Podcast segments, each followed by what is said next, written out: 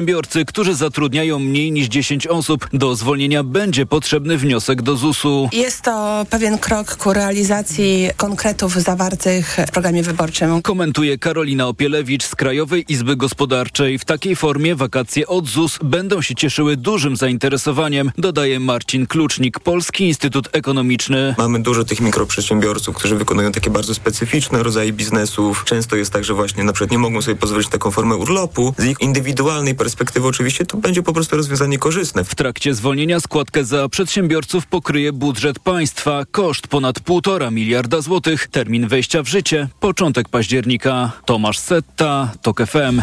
W ponad 200 miejscach w całej Polsce rolnicy zablokowali drogi krajowe. Rozpoczął się ogólnopolski protest rolników, którzy sprzeciwiają się wprowadzaniu unijnego Zielonego Ładu i napływowi towarów za wschodniej granicy. Z manifestującymi w Nowym Mieście nad Wartą między Jarocinem a Poznaniem rozmawiał reporter TOK FM Maciej Szefer. Chcemy, żeby nasz rząd zwrócił uwagę na swoich polskich rolników i patrzył tylko na ich dobro. No niech wyrównają nam te dopłaty, tak? Z innymi krajami. Niech nie ciągną tego zboża z tej Ukrainy. To, co się dzieje, tak nie może być, że w samej Wielkopolsce ponad 40 tysięcy hektarów ma leżeć ugorem. Takim areałem, co w Polsce ma być ugorowany, na pewno jakąś część Afryki byśmy wyżywili. W promieniu kilkunastu kilometrów od Nowego Miasta nad Wartą rozpoczęły się także inne protesty na drogach krajowych nr 11 i 12, między innymi w Kotlinie czy Brzos Brzostowie. Słuchasz informacji TOK FM. Rozpoczął się strajk maszynistów w Niemczech. Wczoraj wieczorem stanęły pociągi towarowe. Dziś ograniczony zostanie ruch osobowy. Akcja najdłuższa w historii niemieckich kolei potrwa do poniedziałku. Związkowcy domagają się lepszych warunków pracy. Po, po wyborczej porażce w New Hampshire Nikki Haley nie zamierza wycofywać się z wyścigu o republikańską nominację w wyborach prezydenckich. We wczorajszej potyczce była amerykańska ambasador przy ONZ drugi raz przegrała z Donaldem Trumpem. Więcej na ten temat już teraz. Tomasz Orchowski. To jeszcze nie koniec, mówią zwolennicy Nikki Haley. Będzie walczyć dalej. Następna jest Karolina Południowa. Jej rodzinny stan dwukrotnie wygrywała tam wybory na gubernatora. Jeśli wygra Karolinę Południową, wielu osobom pokaże, że powinna dalej brać udział w tej rywalizacji. To nadałoby jej kampanii impetu. Nikki Haley musi spojrzeć w lustro i zdać sobie sprawę, że jest po złej stronie historii i zdecydować, czy jest z narodem, czy z globalistyczną agendą. Odpowiadała jedna ze zwolenniczek Trumpa, który uważa, że Haley powinna wycofać się z rywalizacji przed zaplanowanymi na równo za miesiąc prawyborami w Karolinie Południowej. Tomasz Rchowski, TOK FM. Kolejne informacje w TOK FM o 12.20. Pogoda. Dziś przelotnie popada deszcz na północnym wschodzie i wschodzie, a także lokalnie na południu deszcz ze śniegiem. Na zachodzie i w centrum z kolei możliwe są burze. Dodatkowo będzie silnie wiało. Na termometrach od 4 stopni na Suwalszczyźnie, około 8 na wschodzie, do 12 na zachodzie kraju. Radio TOK FM. Pierwsze radio informacyjne. A teraz na poważnie. 6 po 12. Mikołaj Lizut, witam Państwa, a gościem programu jest Bartosz Arłukowicz, wiceprzewodniczący Platformy Obywatelskiej Koalicja Obywatelska. Dzień dobry. Dzień dobry panu, dzień dobry państwu. Mariusz Kamiński i Maciej Wąsik wyszli wczoraj e, około 21 z więzienia tuż można powiedzieć, po ułaskawieniu przez e, prezydenta e, Andrzeja Dudę. Co więcej, już dziś o 15 będą znowu gościć w Pałacu Prezydenckim. Można powiedzieć, że ich droga wygląda tak. Pałac Prezydencki, więzienie, Pałac Prezydencki. Ciekaw jestem pańskiego komentarza do, do tych wydarzeń. No, ja widzę, że pan prezydent ma jakieś takie swoiste, rzadko spotkane hobby żeby spotykać się z ludźmi, którzy dostali prawomocne wyroki, trafili do więzienia, teraz znowu i będzie gościł. Yy, no, chciałbym nawet może chwilami zażartować z tej sytuacji, ale chyba tu nie ma miejsca na żarty. Pan prezydent w mojej ocenie kompletnie się pogubił w tym wszystkim. Yy, te zmieniane często decyzje, ta, te, te niejasne deklaracje w czasie tej wczorajszej konferencji prasowej, no to wszystko wzbudza, musi wzbudzać niepokój, że prezydent postawił wszystko na jedną szalę, zaryzykował swoją dalszą drogą zawodową, polityczną po prezydenturze, bo przecież Europa patrzy na to, co się w Polsce dzieje. No właśnie, panie pośle, zastanówmy się chwilę, co to za szala. Co leży na tej szali, na którą postawił Andrzej Duda? Yy, w co on gra? No, ja napisałem taki wpis, który y, gdzieś wypływa z, z głębi mojego serca. Zastanawiam się, co też Kamiński i Wąsik muszą wiedzieć takiego y, o politykach y, obozu PiS, że cały PiS de facto staje na baczność w ich obronie, że prezydent wykonuje polecenia prezesa Kaczyńskiego właściwie wydawane przy wsiadaniu do samochodu. Wszyscy to widzieliśmy. Y, Ten teatrzyk, w którym y, odgrywa jakąś rolę żona pana Kamińskiego, która komuś znacząco puszcza oko, że wszystko idzie w dobrą stronę. To wszystko... No tłumaczyła, że do, do syna, którego, którego widziała tam. No, no, Kątem oka. Okej, nie, nie, nie będę zastanawiał się nad oczkiem puszczałem przez panią Kamińską, zaś bardziej nurtuje mnie to, co skłania prezydenta do tak zmiennych decyzji. No mówi pan, że y, być może to są haki, a może jest też tak, że Kamiński i Wosik y, to po prostu kwintesencja PiS, to znaczy ym, no, ym, to jest, y, można powiedzieć, pewna soczewka y, z politycznego tak sposobu myślenia PiS, że właściwie celu święca środki, że można wszystko w imię ym, utrzymania władzy, że właściwie można podporządkować całe państwo w imię tej właśnie idei, idei, wychodząc z założenia, że PiS to jest najlepsze, co Polskę może spotkać. No na pewno e, PiS to jest to, co najgorsze może nas spotkać. Mieliśmy to wszystko przez 8 lat, pełna dewastacja mechanizmów Tak, tak, tak. Ja relacjonuję tylko sposób myślenia tak, tych wszystkich, którzy Tak, tak. bronią Wąsika i Kamińskiego. Y, Nie, nie widziałem tam tysięcy ludzi, którzy by y, bronili Wąsika Kamińskiego, czy tam też badania opinii publicznej, które jasno wskazują, że Polacy oczekują tego, że panowie po prostu poniosą karę za to, co zrobili. No już nie Oni nie poniosą. siedzieli w więzieniu, nie siedzieli w więzieniu za walkę z korupcją, tylko siedzieli w więzieniu za podrabianie, jak donoszą media, podrabianie dokumentów i podsłuchiwanie ludzi niezgodnie z prawem. W związku z tym yy, mam wrażenie, że opinia publiczna czy, czy widzowie, którzy nie są politykami, oczekują skuteczności wykonania kary. No stało się inaczej. Pan prezydent położył na szali cały swój urząd, yy, podjął taką decyzję. Oczywiście miał do tego prawo. Teraz zrobił to zgodnie z prawem.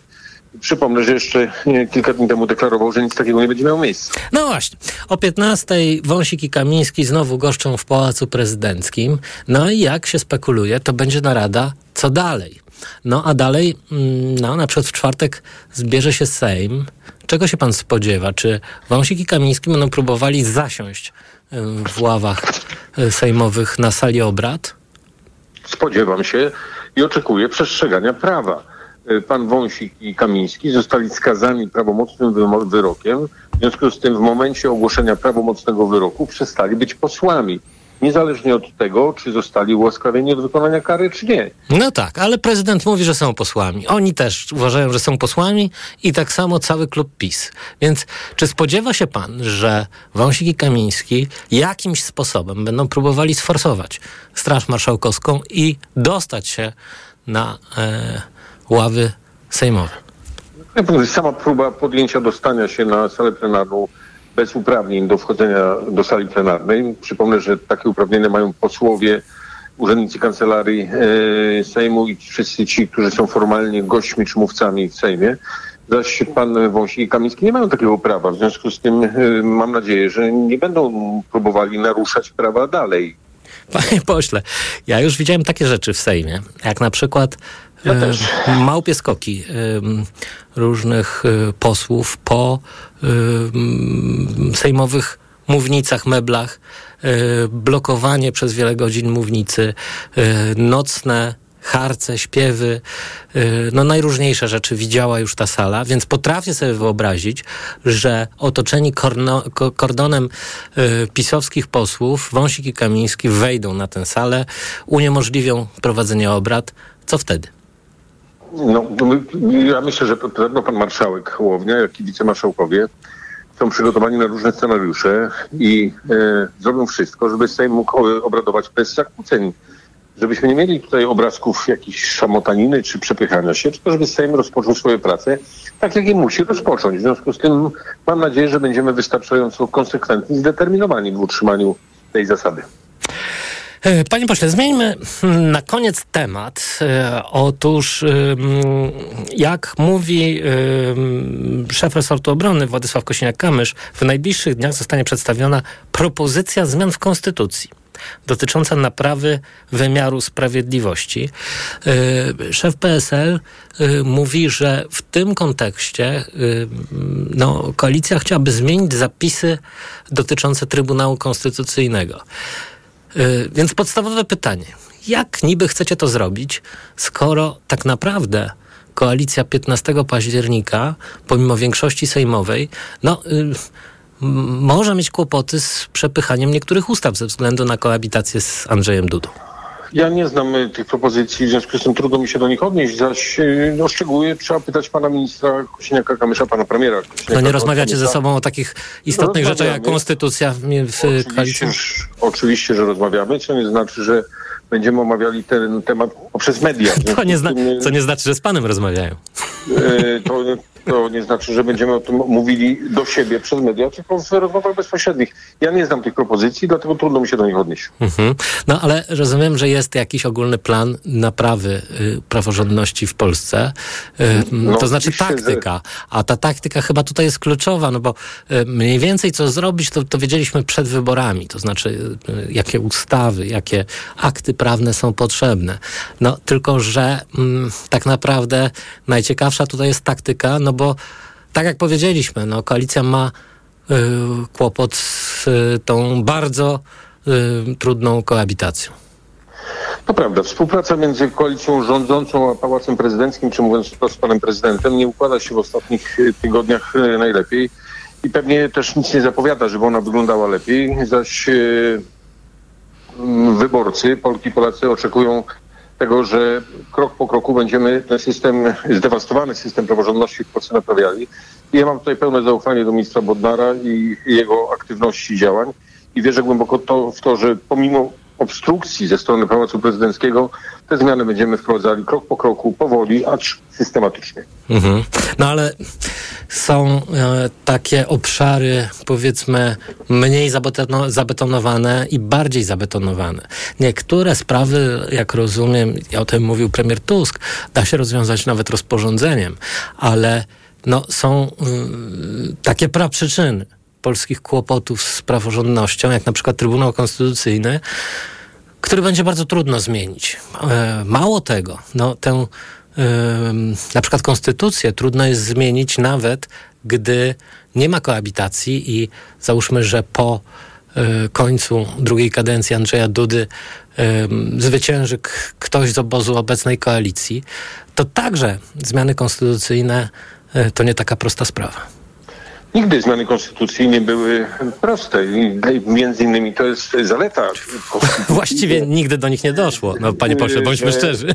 Tak, no więc to jest zaleta tej konstytucji, że e, nie ulega ona chwilowym zmianom władzy w Polsce i tym, którzy mieli zakusy na e, zmienianie konstytucji, myślę tutaj o poprzednim obozie rządowym, pozostawało łamanie tej konstytucji. Tak się też działo. W związku z tym z tego wszystkiego trzeba wyciągnąć konsekwencje, trzeba wyciągnąć wnioski. Zaś oczywiście ma pan rację, że przy obecnie urzędującym prezydencie te zmiany będą trudniejsze, aczkolwiek ja jestem optymistą i nie uważam, żeby one były niewykonalne. Oczywiście rozumiem argument ustawa, podpis prezydenta, być może brak podpisu prezydenta, weta prezydenckie. To wszystko rozumiem, ale jak pan widzi, kiedy spojrzymy na różne systemy czy fragmenty życia publicznego, to zmiany jednak postępują. Bardzo dziękuję za to spotkanie. Mm, Bartosz Arłukowicz, wiceprzewodniczący Platformy Obywatelskiej, był gościem państwa dziękuję i moim. Bardzo. A teraz informacje. A teraz na poważnie. Thank you. Autopromocja. W TOK FM gramy dla Wielkiej Orkiestry Świątecznej Pomocy. Zagraj razem z nami. Kryształowe Pióro to nagroda, którą dostałam w 2016 roku w ogólnopolskim konkursie dla dziennikarzy, konkursie pod hasłem Choroby serca rosnące zagrożenie. To niezwykle piękna statuetka. Bardzo ją Państwu polecam, bo myślę, że fajnie będzie postawić ją sobie na segmencie. To kryształowe pióro wystawiamy na aukcji radia TOK FM w ramach Wielkiej Orkiestry Świątecznej Pomocy. Ja się nazywam Anna Gmiterek-Zabłocka i zachęcam Państwa do licytacji. Nie czekaj. Wejdź na tokefm.pl ukośnik aukcje i dowiedz się więcej. Autopromocja. Dlaczego bronicie ruskich wpływów, a dlaczego nie bronicie interesów polskich obywateli, których jesteście reprezentatami? Ta władza ma jeden scenariusz działania. Oskarżyć innych o to, co sama robi. Zobaczcie, co zrobiliście z Polską. Wypis, wasz sojusznik Ziobro i wasz długopis Duda. To, co robicie, to jest czysta sowietyzacja. Wstyd, Sikorski, że byłeś kiedyś ministrem spraw zagranicznych. Wstyd, że na tej sali są byli polscy premierzy, którzy kiedyś reprezentowali również partię, która zaciągała w Moskwie pożyczki. Wasz obóz to neosowiecka banda, która marzy o wypisaniu Polski z Unii Europejskiej. O niczym innym nie marzy Putin. O rozpadzie naszej wspólnoty. Radio TOK FM. Pierwsze radio informacyjne. Posłuchaj, aby zrozumieć. Reklama. Co można kupić za 40 groszy? Dwie kostki czekolady, pół jajka albo dzienną porcję witamin i minerałów, bo tylko tyle kosztuje jedna tabletka ActiVitaminer Senior D3.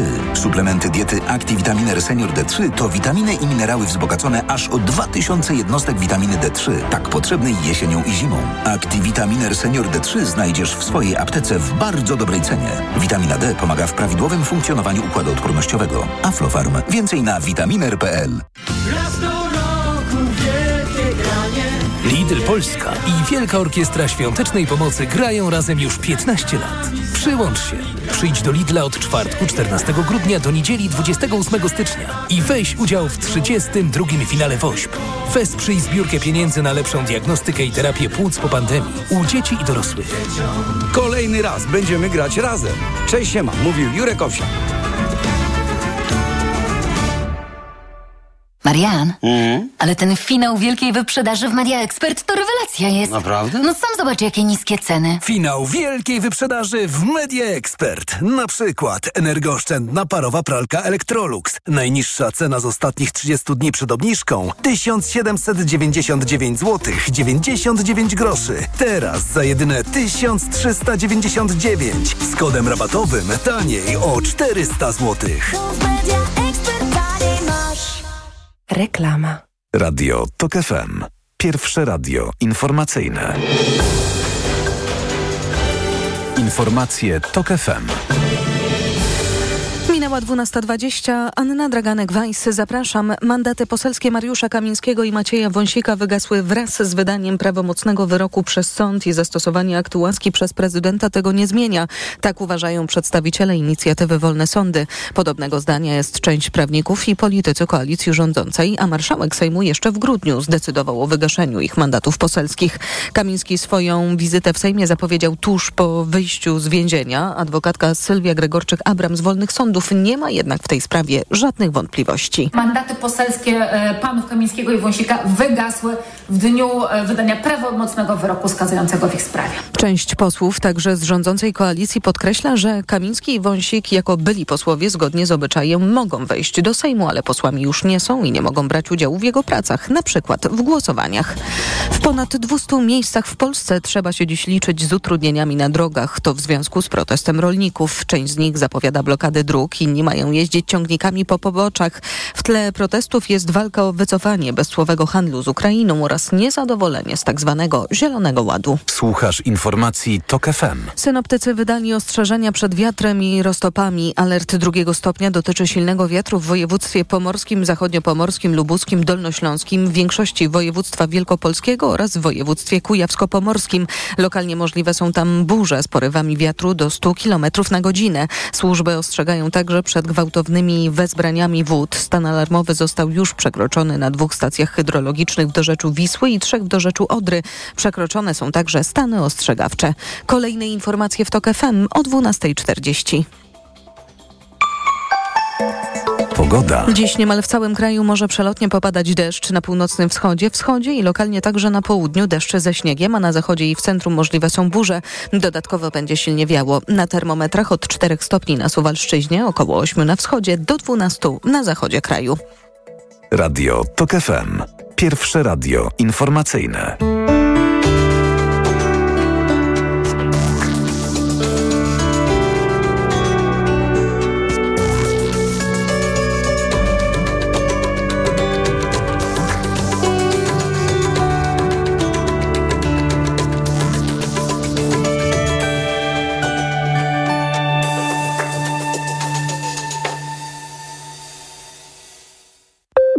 Teraz na poważnie. A w studiu kolejny gość, Janusz Steinhoff, były wicepremier, były minister gospodarki. Dzień dobry. Dzień dobry panu, dzień dobry państwu. Panie premierze, pomówmy o fuzji e, Orlenu z Lotosem. E, no, jak słyszymy z Najwyższej Izby Kontroli, ale nie tylko, także no, mówią to um, obserwatorzy sceny gospodarczej w Polsce. No, była to e, fuzja zupełnie bezsensowna, niekorzystna i właściwie wyłącznie podporządkowana celowi politycznemu. Jak pan to recenzuje? E, powiedziałbym, panie redaktorze, że to nie tylko bezsensowna fuzja, ale wyjątkowo szkodliwa dla gospodarki. E, ludzie, którzy podejmowali tą decyzję, wykazali się całkowitym nieprofesjonalizmem, bowiem po pierwsze sam pomysł, żeby łączyć Loto z Orlenem, e, który to proces był niemożliwy do wykonania, E, dlatego że stworzony zostałby podmiot, który miałby 80% hurtowego rynku paliw. Na to żaden suwerenny Urząd Ochrony Konkurencji i Konsumentów by się nie zgodził. No ale się zgodził. Proszę? Ale się zgodził Łokik No w ogóle się nie wypowiadał w tej materii. No czyli się zgodził. Skierował to do e, Komisji Europejskiej która oczywiście podjęła wszystkie decyzje, żeby uruchomić konkurencyjny rynek. Ze szkodą te decyzje, które w konsekwencji tej mm, koncepcji y, Komisji Europejskiej podjęto, były szkodliwe dla Skarbu Państwa. Natomiast absolutnie nie można mieć jakichkolwiek pretensji do Komisji Europejskiej.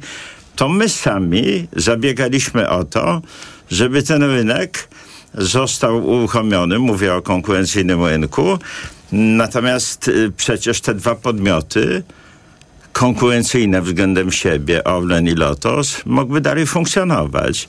Panie redaktorze, o absurdalności tej decyzji niech świadczy fakt, że e, notowania giełdowe Orlenu e, między rokiem 2019 a 2023 spadły o 40%, czyli udziałowcy ocenili tą fuzję jako fuzję pozbawioną synergii, a powiedziałbym jeszcze raz, szkodliwą z punktu widzenia gospodarki. Otóż my, jako środowiska gospodarcze, e, DCC bardzo mocno się zaangażowało mm. w krytykę tego pomysłu. Mało tego, panie redaktorze, z mojej inicjatywy podpisaliśmy jako byli ministrowie gospodarki, przemysłu i handlu. List protestujący przeciwko tej fuzji, przestrzegając rząd przed następstwami tej operacji z punktu widzenia Skarbu Państwa, z punktu widzenia w ogóle funkcjonowania polskich interesów gospodarczych ale jednak, jako panie wyjątkowo szkodliwy. Ale jednak, panie premierze, jakiś zamysł, może nie gospodarczy, ale polityczny w tej fuzji był. I on jest dosyć czytelny. No jak rozumiem, rządzący chcieli mieć y, wielką, potężną y, spółkę, taki właściwie y, rezerwuar pieniędzy do finansowania najróżniejszych politycznych przedsięwzięć, to właściwie ten cel został osiągnięty. To znaczy, Całkowicie znaczy, się zgadzam z panem. Orlen w ten sposób funkcjonuje. Orlen nie zajmuje się tylko paliwami przecież. Orlen na przykład kupił Polska Press. Właściwie na polityczne dyktando zakupił, chociaż zupełnie to nie jest ani, ani portfel Orlenu, ani y, kompetencje tej spółki, y, zakupił y, wielką ilość prasy lokalnej, którą zniszczył tak naprawdę. No a przede wszystkim no, cel był taki, żeby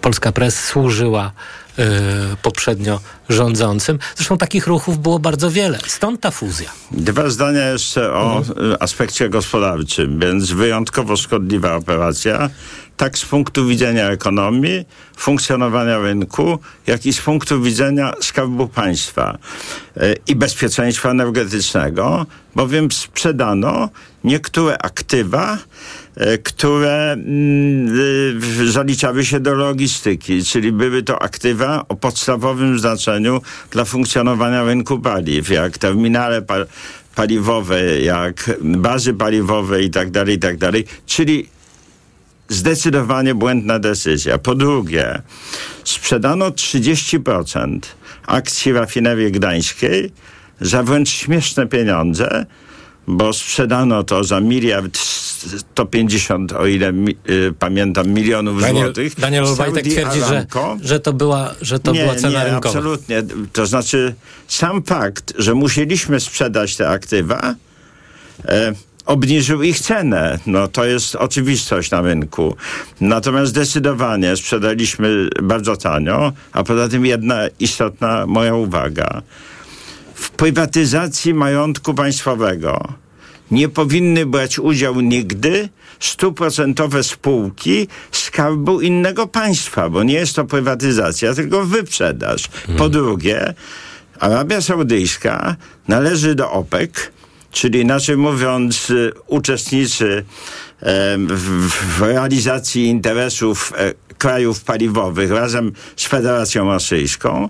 I po trzecie wreszcie, e, odnoszę takie wrażenie, że ta fuzja, potem z Pegnikiem, fuzja z Gdańską Energią, e, to, był, to była realizacja koncepcji, którą wcześniej zrealizował z powodzeniem Władimir Putin w Federacji Rosyjskiej. No właśnie, jeszcze Czyli tutaj nie można zapominać o, o spółce MOL związanej y, z, także z Federacją Rosyjską. Oprócz tego y, spółka MOL. Natomiast Władimir Putin stworzył wielki Gazprom, który wykupił, jak wszyscy wiedzą, wszystkie praktycznie liczące się media w Rosji.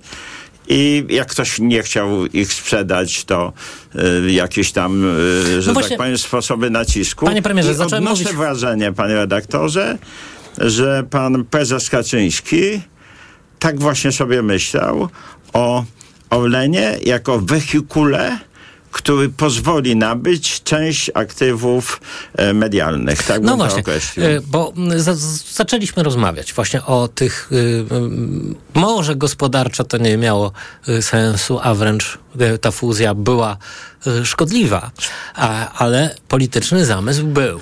I właśnie o tym politycznym zamyśle, panie premierze, pomówmy chwilę. Na ile Kaczyńskiemu udało się zrealizować ten zamysł? Na ile, znaczy, czym jest dzisiejszy Orlen? Może tak za, Przede wszystkim pytanie. y, dwa takie obszary. Dystrybucja prasy, czyli ruch, e, Polska Press, czyli prasa lokalna plus y, internet. E, To jest istotny sposób oddziaływania na opinię publiczną. W ogóle Prawo i Sprawiedliwość, e, prezes Kaczyński szczególną wagę przywiązywał do mediów, zwasalizował całkowicie, podporządkował media publiczne, które stały się e, jako człowiek, który spędził trochę lat w PRL-u, zaczynałem już e, sentymentem wspominać telewizję PRL-owską, bo czegoś takiego, Czegoś takiego wtedy nie było. mieliśmy nawet wtedy takiego Nawet chamstwa. krwawy Maciej nie był, mógłby się uczyć tak, od, od tak. Kurskiego na przykład. Także zdecydowanie tutaj Maciej Szczepański był bardzo powściągliwy w tej propagandzie w stosunku do Jacka Kurskiego I chyba miał lepszy jego gust. następców. E, Tak. Ale to o gustach nie, nie dyskutujmy. Wróćmy, e, panie premierze, do Orlenu. E, No tak, o tym że chyba mm, właśnie e, zamysł był też taki, żeby ta hegemonia prasowa e, Orlenu wciąż się rozwijała właśnie na wzór e, rosyjski, ale nie tylko to. No rzeczywiście po połączeniu z, z Orlenu z Lotosem kapitalizacja tej wielkiej spółki jest gigantyczna. To jest, można powiedzieć, wielki, bardzo bogaty moloch. Można powiedzieć, Biorąc pod także uwagę lokalne uwarunkowania, bo to jest gdzieś y, bez pegnigu, to jest około 10 miliardów. No, daj Boże zdrowie, panie premierze. To znaczy, dla partii politycznej to jest aż nadto. No tak, tak, E, no, aż oczywiście. E, wszystkie te fundacje, wszystko to, co Daniel Obajtek zorganizował e, w Lotosie, aby wspierać swoje zaplecze polityczne, no można powiedzieć, że to jest e, taki system, czy powiedzmy zaczątek systemu oligarchicznego w Polsce. Zdecydowanie tak. Zdecydowanie tak i dlatego też, e, panie redaktorze, e, wszyscy e, znawcy problematyki rafinerii, Petrochemii, pan prezes Jaskuła, pan prezes Olechnowicz, działacze gospodarczy, myśmy cały czas protestowali przeciwko temu. Ten list, o którym wspomniałem, podpisali wszyscy urzędujący po 1989 roku ministrowie przemysłu i handlu i gospodarki. Od Tadeusza Syryjczyka, skończywszy na e, w Januszu Piechocińskim. Podpisali to wszyscy, również minister, który pełnił funkcję ministra gospodarki w czasach rządu PiSu. Była to e, wyjątkowo szkodliwa operacja. A co można zrobić e, w tej chwili? No, e, Orlen połączył się z Lotosem, a właściwie wchłonął Lotos.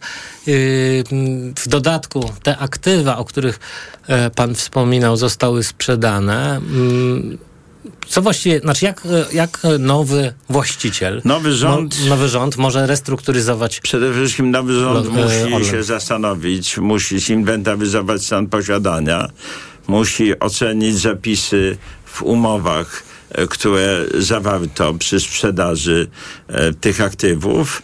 No jest to operacja dość trudna. Trzeba sobie odpowiedzieć na pytanie, czy pozostawić Pegnik w dalszym ciągu w strukturze e, Orlenu, czy też go wydzielić. E, Na pewno nas czeka uruchomienie konkurencyjnego rynku gazu, bo przecież Pegnik ma na rynku e, ponad 90% w tej chwili udziału, niesamowicie dużo.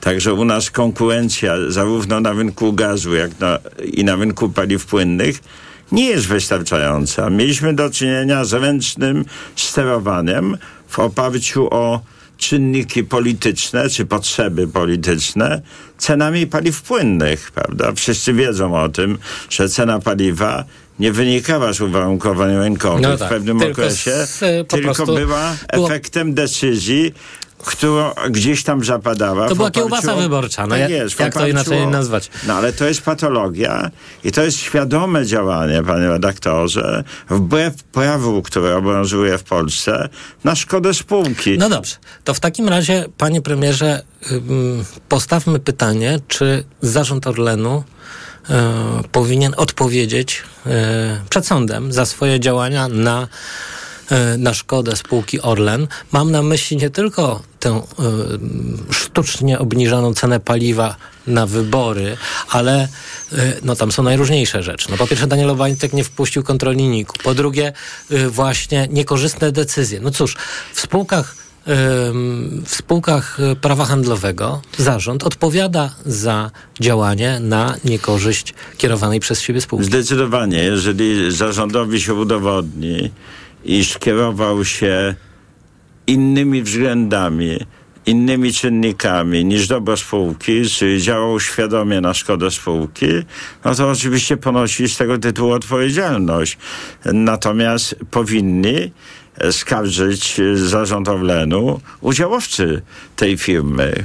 Ponieważ wszystko na to wskazuje, że zarząd w pewnym okresie działał na szkodę tej spółki. No, Orlen jest w obrocie drugie- publicznym, więc Tak, tych no udziałowców właśnie o jest bardzo. Każdy, kto posiada choć jedną akcję, Tak właściwie jest. może mieć pretensje. Tak jest. I druga sprawa, to jest kwestia nadzoru ze strony Skarbu Państwa. Ministerstwo Aktywów Państwowych nadzorowało tą spółkę.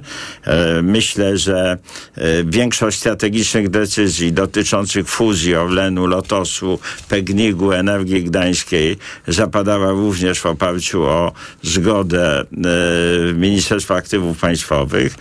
I minister aktywów państwowych oczywiście ponosi pełną z tego tytułu odpowiedzialność. Czy nowy ja minister Borys Budka powinien zrobić audyt Orlenu? Zdecydowanie bardzo precyzyjnie, nie tylko Orlenu. E, wiele spółek Skarbu Państwa powinno być poddanych bardzo rzetelnemu audytowi, bo to, co się działo w ostatnim czasie w tych spółkach, dowodzi jednego, że rządzący wtedy nie liczyli się z niebezpieczeństwem oddania władzy i dlatego też e, funkcjonowanie wielu spółek e, odstawało od norm, które powinny w tej materii obowiązywać. Także mam nadzieję, że to jest zamknięty y, już rozdział w naszej najnowszej historii. Natomiast coś, na co zwracałem uwagę wielokrotnie. No myśmy, panie redaktorze, wrócili, jeżeli chodzi o zarządzanie gospodarką narodową w tej części publicznej, do czasów PRL-u, do ręcznego sterowania, do odejścia państwa od funkcji regulacyjnych, e, pomieszania tych funkcji regulacyjnych z funkcjami właścicielskimi. Ja muszę powiedzieć, że takiego bałaganu w administracji nie widziałem. Ustawy o działach Tak. praktycznie zmasakrowano. Nikt nie wiedział, kto się czym zajmuje i tak dalej.